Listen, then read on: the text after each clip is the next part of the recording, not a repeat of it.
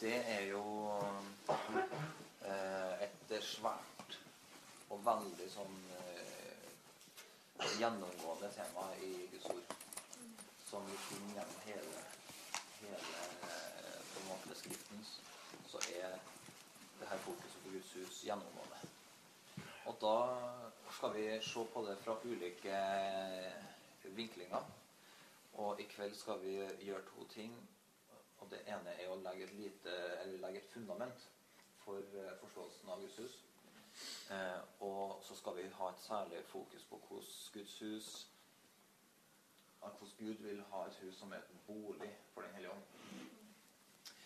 Eh, og det skal vi se på nå i to sesjoner hvor jeg deler først litt eh, eh basics og de store linjene, og så skal Terje få fylle på med det som eh, han har på hjertet etter hvert. Så tror jeg vi skal få et, eh, et eh, litt sånn bredde og innhold i det her fokuset. Så det som er Når vi snakker om en bolig da, for, for Gud, så, så er, er det alltid nyttig å starte med begynnelsen. Så, så vi gjør det. Der finner vi noe interessant. For eh, i begynnelsen skapte Gud himmelen og jorda. Og jorda var øde og tom, og mørket lå over dypet, og Guds ånd svevde over vannet. Da så Gud det skal bli lys, og det ble lys. Gud så at lyset var godt, og Gud skilte lyset fra mørket. Så her i skapelsen så finner vi noen interessante ting. Og det ene er at uh, at eh, når Gud har skapt eh, himmelen og jorda, så ble eller var jorda øde og tom. Og, og, og mørket lå over havdypene. Men så står det noe at Guds ånd svevde over vannet. Så Den hellige ånd var til stede, og han, eh, han var der. Men han, han var over vannet. Og det er interessant. For det var i begynnelsen, når Gud skapte alle ting, så var Den hellige ånd til stede. Og han var Men han var over det hele. Han, det står han, mm. På engelsk står det hoover. Hoovering. Hoovering over the waters. det er interessant. Og så tar det Gud, og så ser vi at Den hellige ånd er til stede, og når Gud tar det et ord mm. og sier 'bli lys', så er Den hellige ånd der, og det blir lys. Så du finner at den her at treenige Gud arbeider sammen i skapelsen. Du har. Faderen som taler et ord, og det står at det her ordet det er Jesus Kristus. Og så er både Faderen og Sønnen involvert, og Den hellige ånd involvert. Og sammen så blir, skaper de verden og skaper lys av mørket osv. Så, øh, så det bare, vi bare legger merke til det her, at jorda var øde og tom. Vi, vi er midt i den første skapelsen, og så og så er Den hellige ånd til stede, men han svever over vannet. Eh, og Hvis du går eh, videre til kapittel 8 i første Mosebok, så kommer du inn i historien om eh, vannflommen. Og på nytt så er jorda dekka av vann. Og det er en sånn eh, den var på en måte på nytt igjen øde og tom. Alt liv var utrydda. Bortsett fra dem som var i arken. Og så ser vi da at uh, i vers uh, eh, 6 så ser vi da 40 dager var gått. Åpna det her etter at de var blitt stående på det her fjellet. Eh, så åpna Noah luka som han hadde laga på arken, og sendte ut ravnen. Den fløy fram og tilbake til vannet hadde tørka bort fra jorda. Så sendte han ut dua for å se om det var blitt mindre vann på jordoverflata. Men dua fant ikke noe sted hvor den kunne hvile foten, og vende tilbake til arken. For det sto vann over hele jorda. Han rakte ut handa, grep duen og tok den inn til seg i arken. Han venta sju dager til, og så sendte og så dua ut av arken igjen. Dua kom til han i kveldinga og så den hadde et friskt oljeblad i nebbet. Da skjønte Noah at det var blitt mindre vann på jorda. Og han venta sju dager til. Så sendte han ut dua, og da vendte den ikke tilbake til han noe mer. Så her eh, skjer det jo en del interessante ting. Noah han var opptatt av hvor er vannstanden, og så begynner han da å sende ut noen eh, speidere for å sjekke ut hvordan eh, landet ligger an. Og så sender han ut ei due. Og det som er, er interessant, er at denne dua representerer jo Den hellige ånd gjennom Guds ord. Du ser når Jesus blir døpt i, i Jordanelva, så kommer Den hellige ånd ned over den som ei due.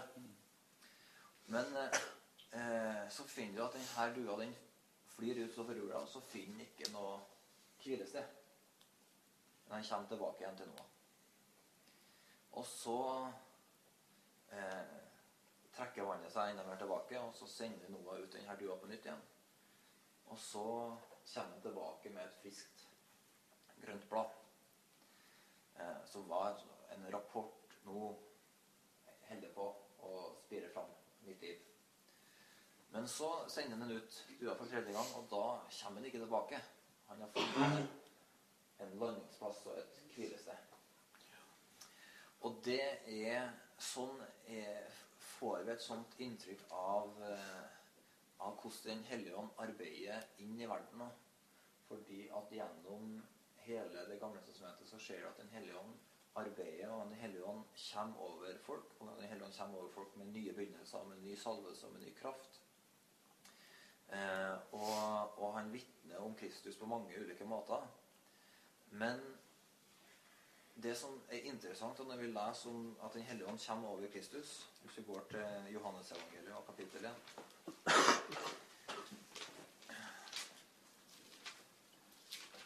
Så er det en understreking der som, som forteller oss noe om Guds eh, hjertelag.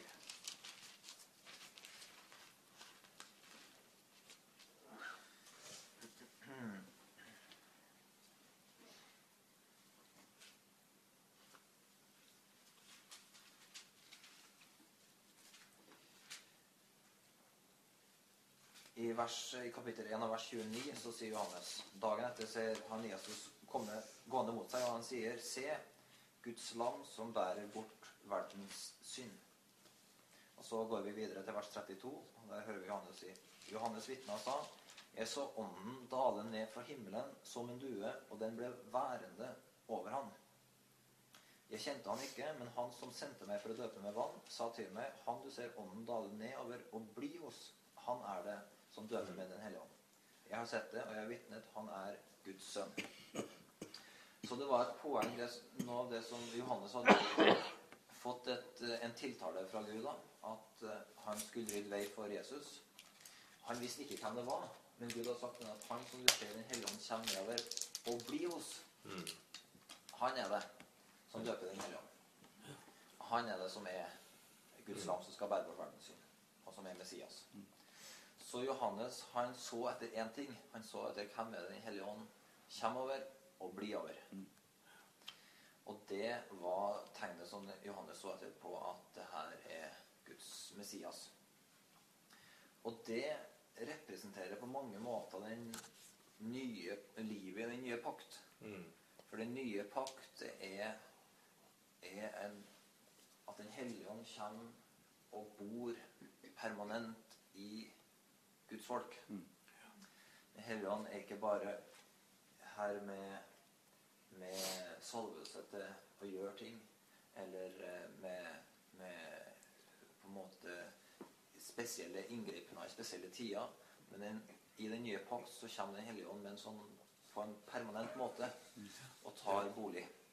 Og det første han viste over, var over Kristus. Så det er akkurat sånn som du hører eh, på en måte eh, ekkoet fra hele det her gammeltestamentlige eh, drømmen som vi hos Gud. da. Mm. At du, at du ser at Den hellige ånd er utstengt. Først så, så ser du over skaper, skapelsen at han, han, han svever over vannene. Og, og ser etter det her boligen mellom menneskene. Og så finner du det igjen at uh, i, i den nye skapelsen i Noah-fortellinga, så, så finner du igjen at Den hellige ånd i denne dua som er ute og leter etter en plass å slå seg ned. Eh, sånn at det, det, er på en måte et uttrykk for, for uh, Guds hjertelag da, når, når Den hellige ånd endelig i Kristus finner et nedslagsfelt. Mm. Jeg kan si det her på, i Kristus og i mennesket Jesus Kristus mm. kan jeg ved min ånd ta bolig. Og han ble værende over den. Og, og, Jesus demonstrerte da hva det vil si å leve et liv i Den hellige ånd, som var eh, noe annet enn eh, på, på en, med en annen dimensjon, en annen sånn permanent iboing av Den hellige ånd, enn hva noen før hadde. Eh, og så finner vi da løftene som oppfylles da i det her eh, i apostelgjerninga nå, i kapittel 2 så er det et løfte om Den hellige ånd som blir oppfylt. Der eh, disiplene er samla. Da pinsedagen kom, kapittel 2 av vers 1, var alle samla på ett sted. Plutselig lød det fra himmelen som når en kraftig vind bles, og lyden fylte hele huset hvor de satt. Tunga som av ild viste seg for dem, delte seg og satte seg på hver enkelt av dem.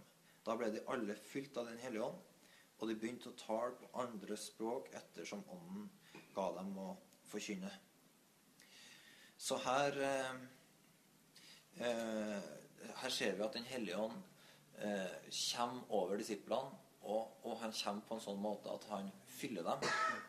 Og han tar bolig der imellom dem. Mm. Som en, var en radikalt ny begynnelse. Fram til da så var det kun i, i personen Jesus Kristus fra Nasaret at det her åndsfylden var til stede. Men på pinsedag så ble denne åndsutgytelsen som Gud hadde eh, talt om fra evighet av, eh, utgitt over eh, disiplene. Og de ble fylt av Den hellige ånd. Den hellige ånd tok bolig i dem. Eh, og så og så ser vi da at, at det her At når da Peter går videre og forklarer hva det er som skjer, så forklarer han det med, profet, med profetord fra Joel og sier at det her er det som skal skje, at jeg øser ut min ånd over alle mennesker. Eh, og, og, han går videre og sier at det her er i henhold til løfter.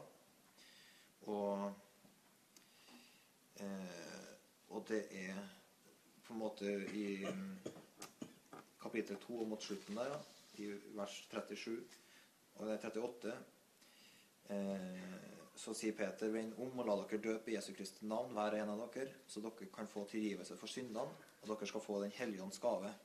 For løftet gjelder dere og barna deres og alle som er langt borte, så mange som Herren vår Gud kaller på. Så her ser vi igjen at eh, noe av visjonen som Peter eh, forkynte inn i, da, det var en forståelse av at Den hellige ånd altså Løftet som disiplene skulle få dele, var at Den hellige ånd skulle komme mm. og fylle dem. Og det her var det løftet som var oppfyllelsen av Guds plan. Så Guds plan handler veldig mye om at Den hellige ånd kommer og tar bolig imellom oss. Gud ønsker et, et bosted i verden som er en sånn permanent bolig. Og vi møter det kanskje i tydeligste ord igjen i Johannes' åpenbaring i kapittel 21. så um, si, se, ser Johannes og beskriver det han ser. Og jeg så en ny himmel og en ny jord, for den første himmelen og den første jord var borte, havet, og havet fantes ikke mer.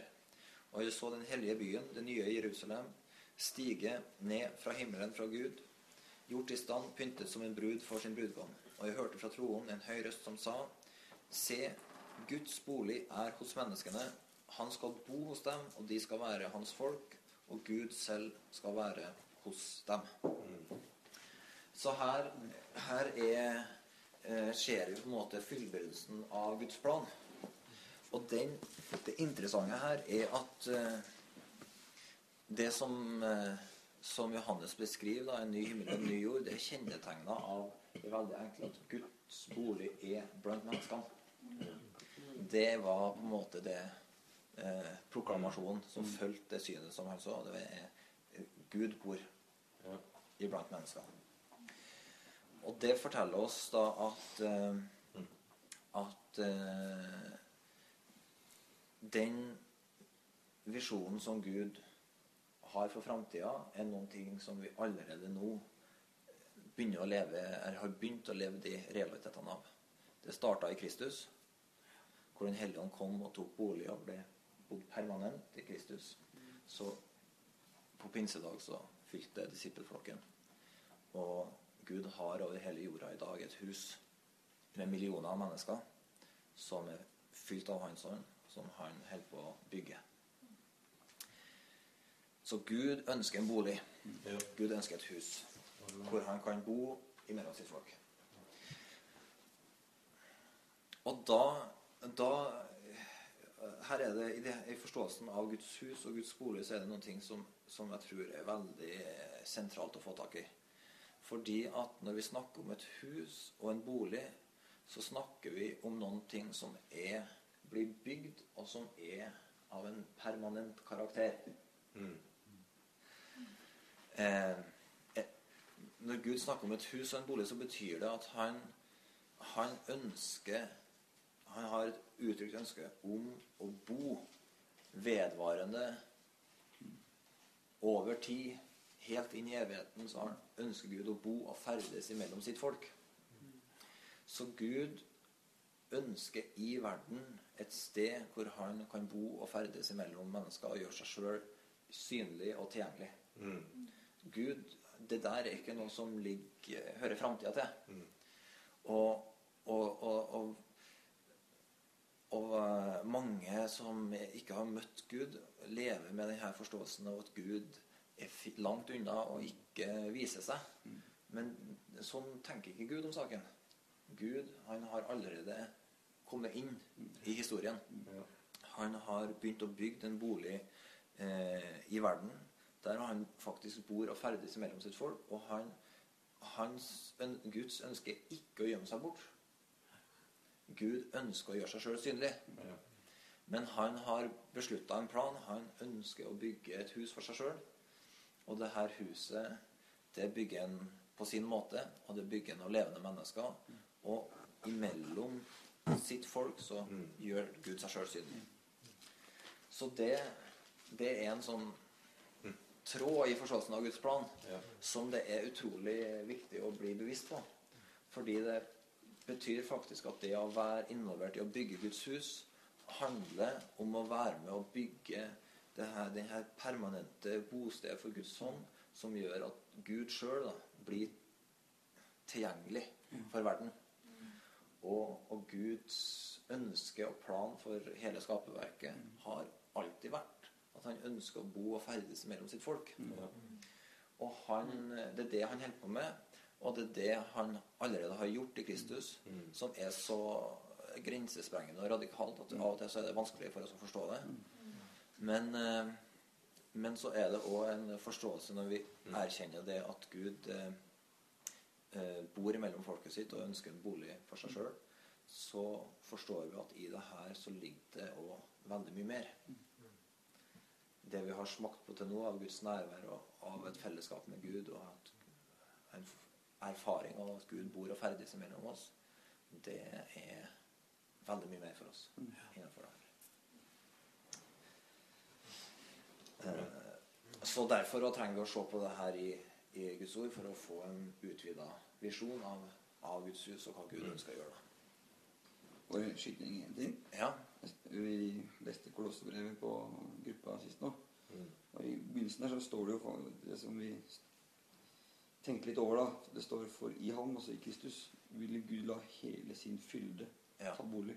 Ja. Det er jo et veldig det er Man kan tygge mye på det verset der, men det verset der, altså. Mm. Det er ganske mye, faktisk. Ja. Hele sin fylde. Ja.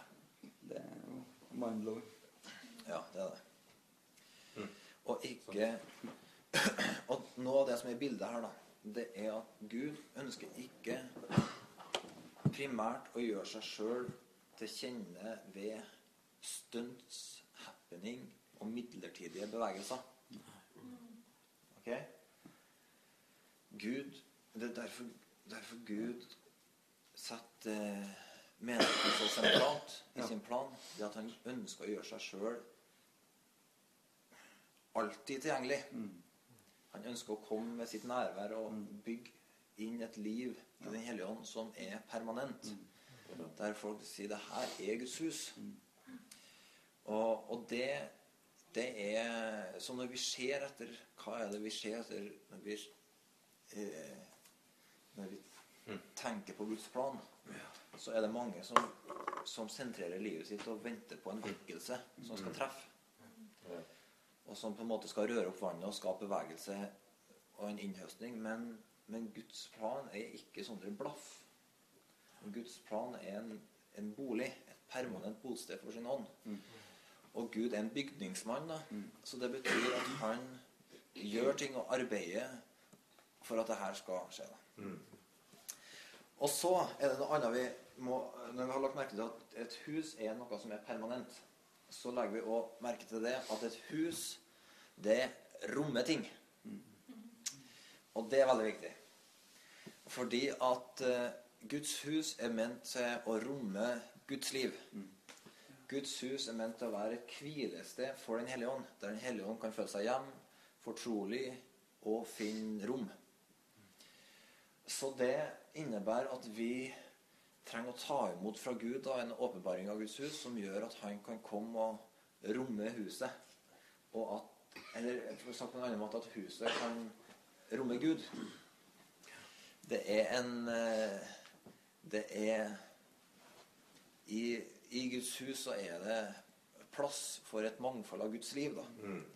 Som ikke er Guds hus er ikke et sånt lite hus som rommer bare et snevert uttrykk av Guds liv og av Den hellige ånds liv. Men Gud ønsker å bygge inn noen ting imellom sitt folk som gjør at hans folk blir et hus som rommer sånn som vi, Steffen refererte fra Klosterbrevet, som rommer hele Kristi fylde. Da.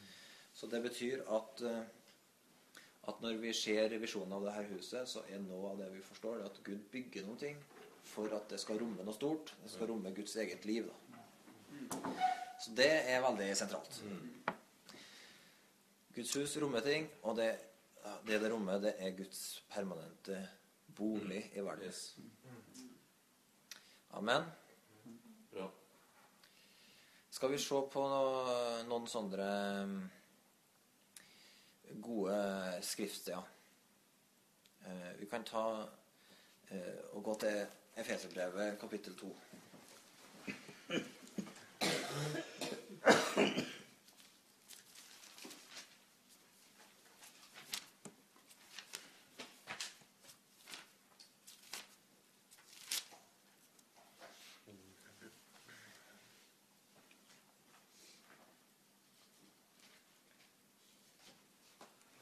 I vers eh, 14 og ut kapittelet skal vi lese.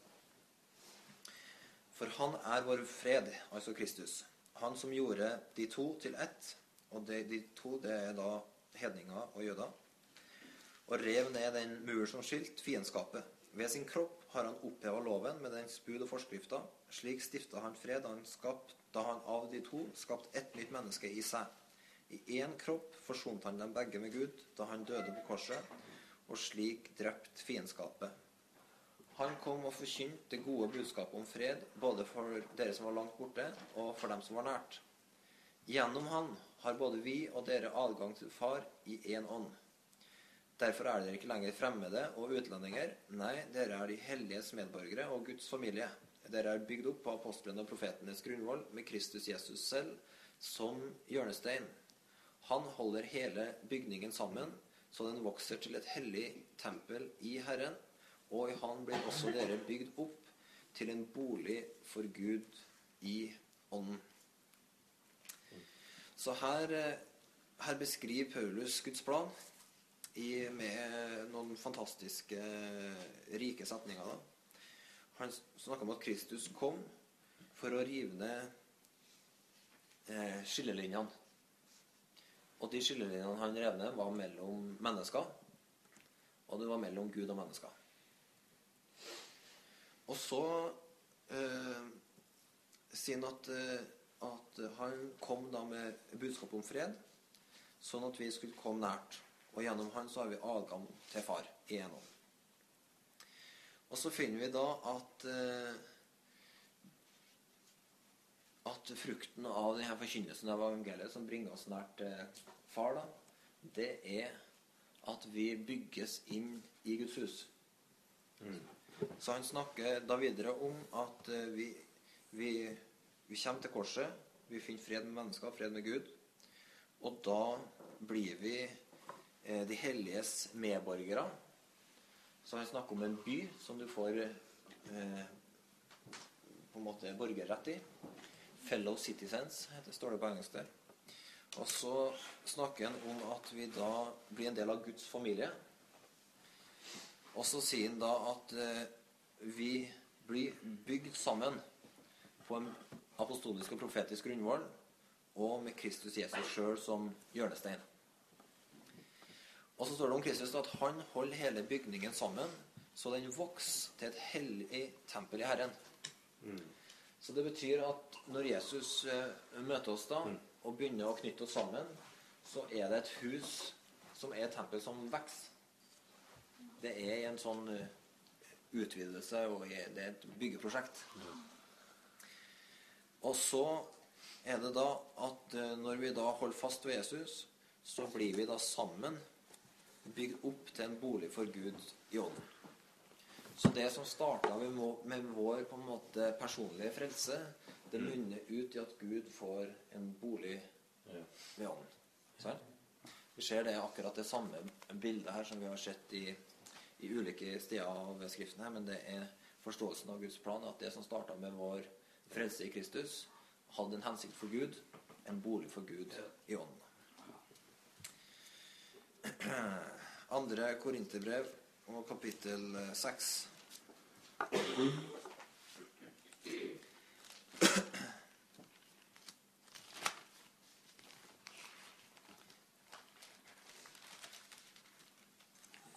Og vers 14.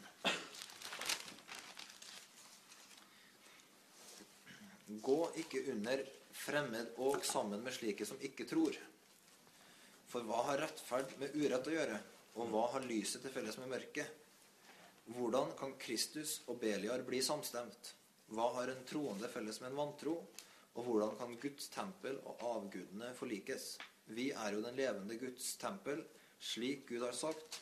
Jeg vil bo og vandre midt iblant dem. Jeg skal være deres Gud, og de skal være mitt folk.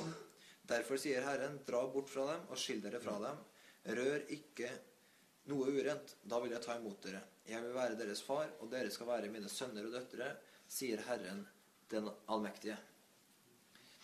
Så her finner vi det da at eh, at eh, altså, Paulus han beskriver eh, korintermenigheten som en del av Guds hus, eller den levende Guds tempel. Og så sier han at det her er en sånn åndelig realitet. Dere er den levende Guds tempel. Og det understreker han forklarer da, det at dere er Guds tempel, det forstår vi i lys av det skriftordet som sier 'Jeg vil bo og vandre midt iblant dem'. 'Jeg skal være deres Gud, og de skal være mitt folk'. Så forståelsen eh, som han ønsker å bringe korintermenigheten inn i, er at de er den jevne Guds tempel. De er et folk som Gud bor imellom og vandrer imellom. Eh, De har allerede kommet inn i eh, denne dimensjonen av Guds plan, der Gud får her, denne boligen i verden. Dere er et sånt hellig folk. Og så sier han at i lys av at dere er et, sted der Gud gjør seg sjøl kjent, og bor og ferdes imellom dere, så må dere forstå at da må dere leve hellige liv. Så han sier derfor, sier Herren, dra bort fra dem og skill dere fra dem, rør ikke noe urent. Da vil jeg ta imot dere. Jeg vil være deres far, og dere skal være mine sønner og døtre, sier Herren den allmektige. Og så i 7 og vers 1 der, da. eh, Mine kjære, når vi har disse løftene, så la oss rense oss for all, urenhet på kropp og sjel og fullføre vår helliggjørelse i ærefrykt for Gud. Så, så han setter eh, Han maler ut visjonen av, av, av hva er det Gud har gjort imellom oss. Eh, Dere er den levende Guds tempel. Dere er det folk der Gud bor og ferdes imellom. Derfor, når dere har eh, fått de her løftene og begynt å erfart og levd i de her eh, profetiske løftene, så renser dere fra all urenhet og all urett. Fordi Gud er mellom dere. Eh, så det er akkurat som om Paulus løfter dem ut av en sånn ren eh, menneskelig forståelse og, og, og, og viser dem en visjon av hva er det Gud har gjort dere til i Kristus. Hvordan er det Gud ønsker hvordan er det, det faktisk det har skjedd i en realitet. Gud bor imellom dere. Og den åndelige realiteten som dere har blitt en del av, den skal motivere dere til å forstå at hvis en hellig Gud vandrer og bor imellom dere, så renser dere i ærefrykt for Gud. Mm, Så han, han kobler sammen eh, livsstilen deres og forståelsen deres av hvordan de lever, med en forståelse av den åndelige realiteten de har blitt satt inn i. Der de er et folk som Gud bor og ferdes imellom.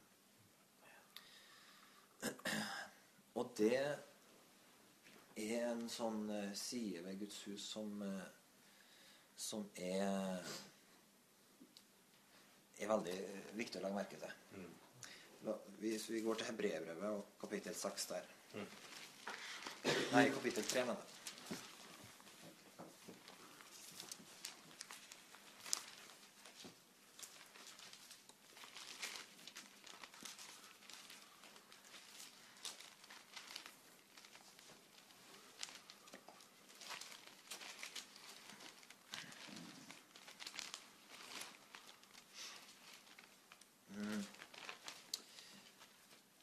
Derfor, hellige søsken, dere som har fått del i det himmelske kallet, se på Jesus, den utsending, eller den apostel som eh, det står på grunnteksten her, og øverste prest som vi bekjenner. Han var trofast mot den som innsatte ham, slik Moses var trofast i hele Guds hus. Men Jesus ble verdig til å få større ære enn Moses, slik den som bygger et hus, får større ære enn huset. Et hus må jo alltid være bygd av noen, men Gud er den som har bygd alt. Moses var trofast som tjener i hele Guds hus for å vitne om det som en gang skulle forkynnes. Men som sønn er Kristus satt til å styre hans hus. Og hans hus er vi, så sant vi holder fast på frimodigheten og det håpet som vi er stolte av. Så her eh, forfatterne forfatteren av brevet da, om, eh, om å forstå det at vi er Guds hus. Kristus er satt til å styre dette huset. Og så sier han da at det er noen en grunnleggende ting som vi trenger å forstå når vi snakker om eh, Guds hus. Det er at den som bygger huset, han har større ære enn huset sjøl. Det betyr at ethvert hus, det peker på bygningsmannen eller byggherren. Prosjektlederen. Arkitekten. Arkitekten. Mm. Initiativtakeren. Og samme hvor herlig huset er, så har den som er arkitekten, han har en Jo mer herlig huset er, jo større ære for initiativtakeren, opphavet, arkitekten, byggmesteren. Så det er en sammenheng mellom eh, herligheten i huset og æren som bringes tilbake til Gud. Og Jesus han er satt da til å styre i Guds hus. Han er satt over Guds hus for å styre på en sånn måte at det her huset det bygges til Guds ære. da. Så alt som eh, Du vet eh, Alt som eh, kommer med med, med Alt som kommer i Guds hus, det peker hele tida tilbake på Gud sjøl. Så du vet, Salomo han var jo en sånn som bygde hus. Og folk kom fra hele verden for å se på all den her visdommen og rikdommen og herligheten som var en del av Salomos styre.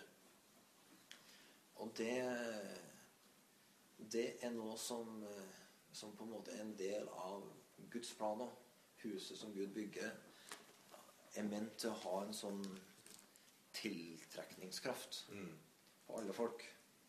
Det er ment til å være et sted som, synliggjør synliggjøre og bringe ære til Gud. Ja. Og, det, og da forstår vi igjen at huset som Gud bygger, det er noe som hele tida er der å bringe ære til Gud. Det er en, Gud bygger inn en kvalitet. Gud ønsker noe permanent. Gud ønsker ikke, ser ikke bare etter en, på en måte en lovsangshappening. Men Gud ser etter å bygge et hus som er fylt med tilbedelse og takk. Natt og dag. Gud bygger et hus som, der vi ferdes Når vi skjønner å begynne å ferdes i den levende Guds hus, så begynner vi å leve hele liv som, der alt dreier seg om å bringe ære til Gud. Og der samtalene oss imellom alltid har med seg denne ærefrykten at vi, vi har, denne samtalen fører vi i Guds hus. Eh, lyden av det skal være takknemlighet. Ikke klage og bitterhet og hele den leksa der, men det er et liv i takk, eh, lovprisning, vennlighet, godhet, kjærlighet, mildhet, glede. Alle de her tingene som er Den hellige ånds liv, og som gjør at det huset som vi er, er- blir et sånt sted som bringer ære til Gud. Så det å være en del av Guds hus er et sånt eh, Det er et fantastisk privilegium. Og i Jesaja 60 så så står det en fantastisk profetisk beskrivelse av det her huset og folket og fjellet og tempelet. Fra vers 1. Reis deg, bli lys, for lyset ditt kommer. Herrens herlighet går oppover deg. Se, mørket dekker jorden, skodde dekker folkene, men over deg går Herren opp. Hans herlighet viser seg over deg. Folkeslag skal gå mot ditt lys, konger gå mot din soloppgang. Løft blikket, se deg omkring. Alle samler seg og kommer til deg. Sønnene dine kommer fra det fjerne. Døtrene dine blir båret på armen. Da skal du se det og stråle. Hjertet skal skjelve og svulme, for havets skatter skal bli dine, og folkeslagenes rikdom kommer til deg. Og så er det en, eh, en sånn lang beskrivelse av eh, hvordan eh, hvordan eh, folkeslagene sin rikdom bringes til Guds hus. Og til det, det folket som, eh, som Gud bor imellom.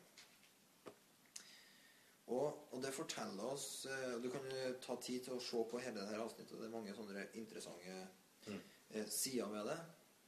Eh, men, eh, men det forteller oss noe sånn grunnleggende om at Gud ønsker å løfte og bygge huset sitt eh, som en sånt eh, en permanent bolig for sitt nærvær.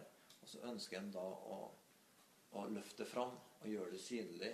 Og så står det at folkeslagene skal vandre i lyset av, fra Guds hus. Og de skal komme til det med sin rikdom.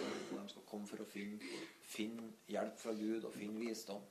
Sånn at det er en, en forståelse av at ikke bare er Guds hus en, på en måte har en sentral plass for Gud, men Gud har tenkt at hans hus skal ha en helt sentral plass i den verden som vi er en del av.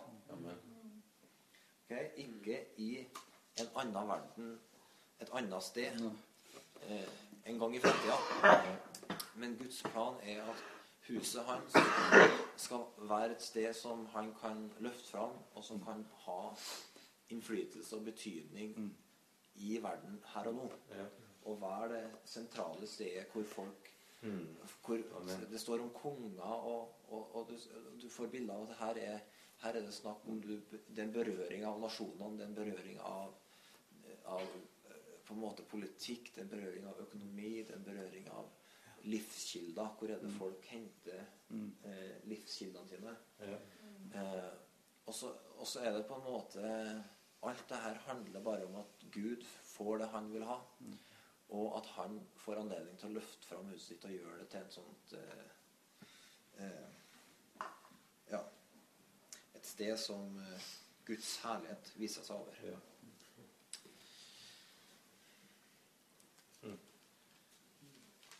Og så eh,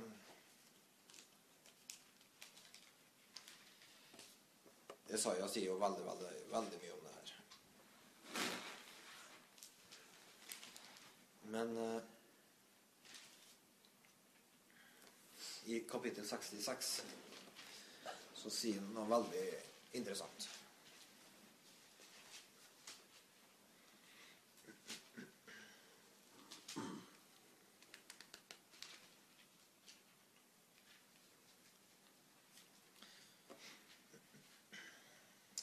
Vi Jeg kunne gjerne tenkt meg å ha hatt Bare se litt på oversettelsene her i rommet. Vi kan ta det inn her. Så sier Herren, himmelen er min trone, og jorden er min fotskammel. Hva slags hus kan dere bygge for meg? Hvor er stedet der jeg kan hvile? Min hånd har laget alt dette. Slik er alt dette blitt til, sier Herren. Men så sier han da men her, eh, I noen oversettelser så vil du finne at det her er stedet hvor jeg vil bo. Her står det bare det. Det er den hjelpeløse jeg ser til, den som har en motløs ånd, og som skjelver for mitt ord. Men det som er, så det som er saken her, er Gud sier Himmelen er min trone, og jorda er min fotskammel. Hva slags hus kan dere bygge for meg? Sånn? Men det her er stedet hvor jeg vil bo. Det er hos den hjelpeløse, den som er knust i ånden sin, og som skjelver for mitt ord.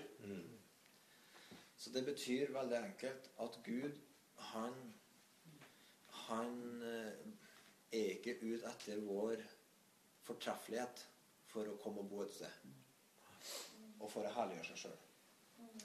Men han er ute etter å finne da dem som har blitt ydmyka, og som har eh, kommet til kort i seg sjøl. Funnet ut at jeg er, ja, uten Gud er jeg hjelpeløs. Og som er, er knust på den måten at du vet at uh, i meg sjøl har jeg ingenting. Og som skjelver for Guds ord. Det betyr veldig enkelt at vi, at vi har en ærefrykt for Gud som gjør at uh, han får det han vil ha. Og så sier Gud det er det folket som jeg tar bolig hos. Det er ikke i de her flotte eh, byggverkene og alt dere kan gjøre, men det er imellom det folket som da har kommet til enden av seg sjøl, og som skjelver for mitt ord. Der bor jeg. Og der vil jeg herliggjøre meg sjøl og, og leve og vandre imellom mitt folk. Um, og så bare Bare for å avslutte en sånn eh, innledning om Guds hus, så kan vi gå til Efeserbrevet i kapittel 1 der.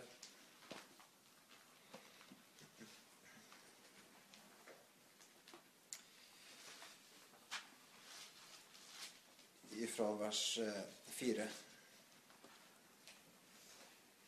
I Kristus utvalgte han oss for verdens grunnord ble lagt, til å stå for hans ansikt, hellige og uten feil. I kjærlighet og etter sin egen gode vilje avgjorde han på forhånd at vi skulle få rett til å være hans barn ved Jesus Kristus, til lov og pris for hans herlighet og nåde, som han overøste oss med i Han som han elsker så høyt.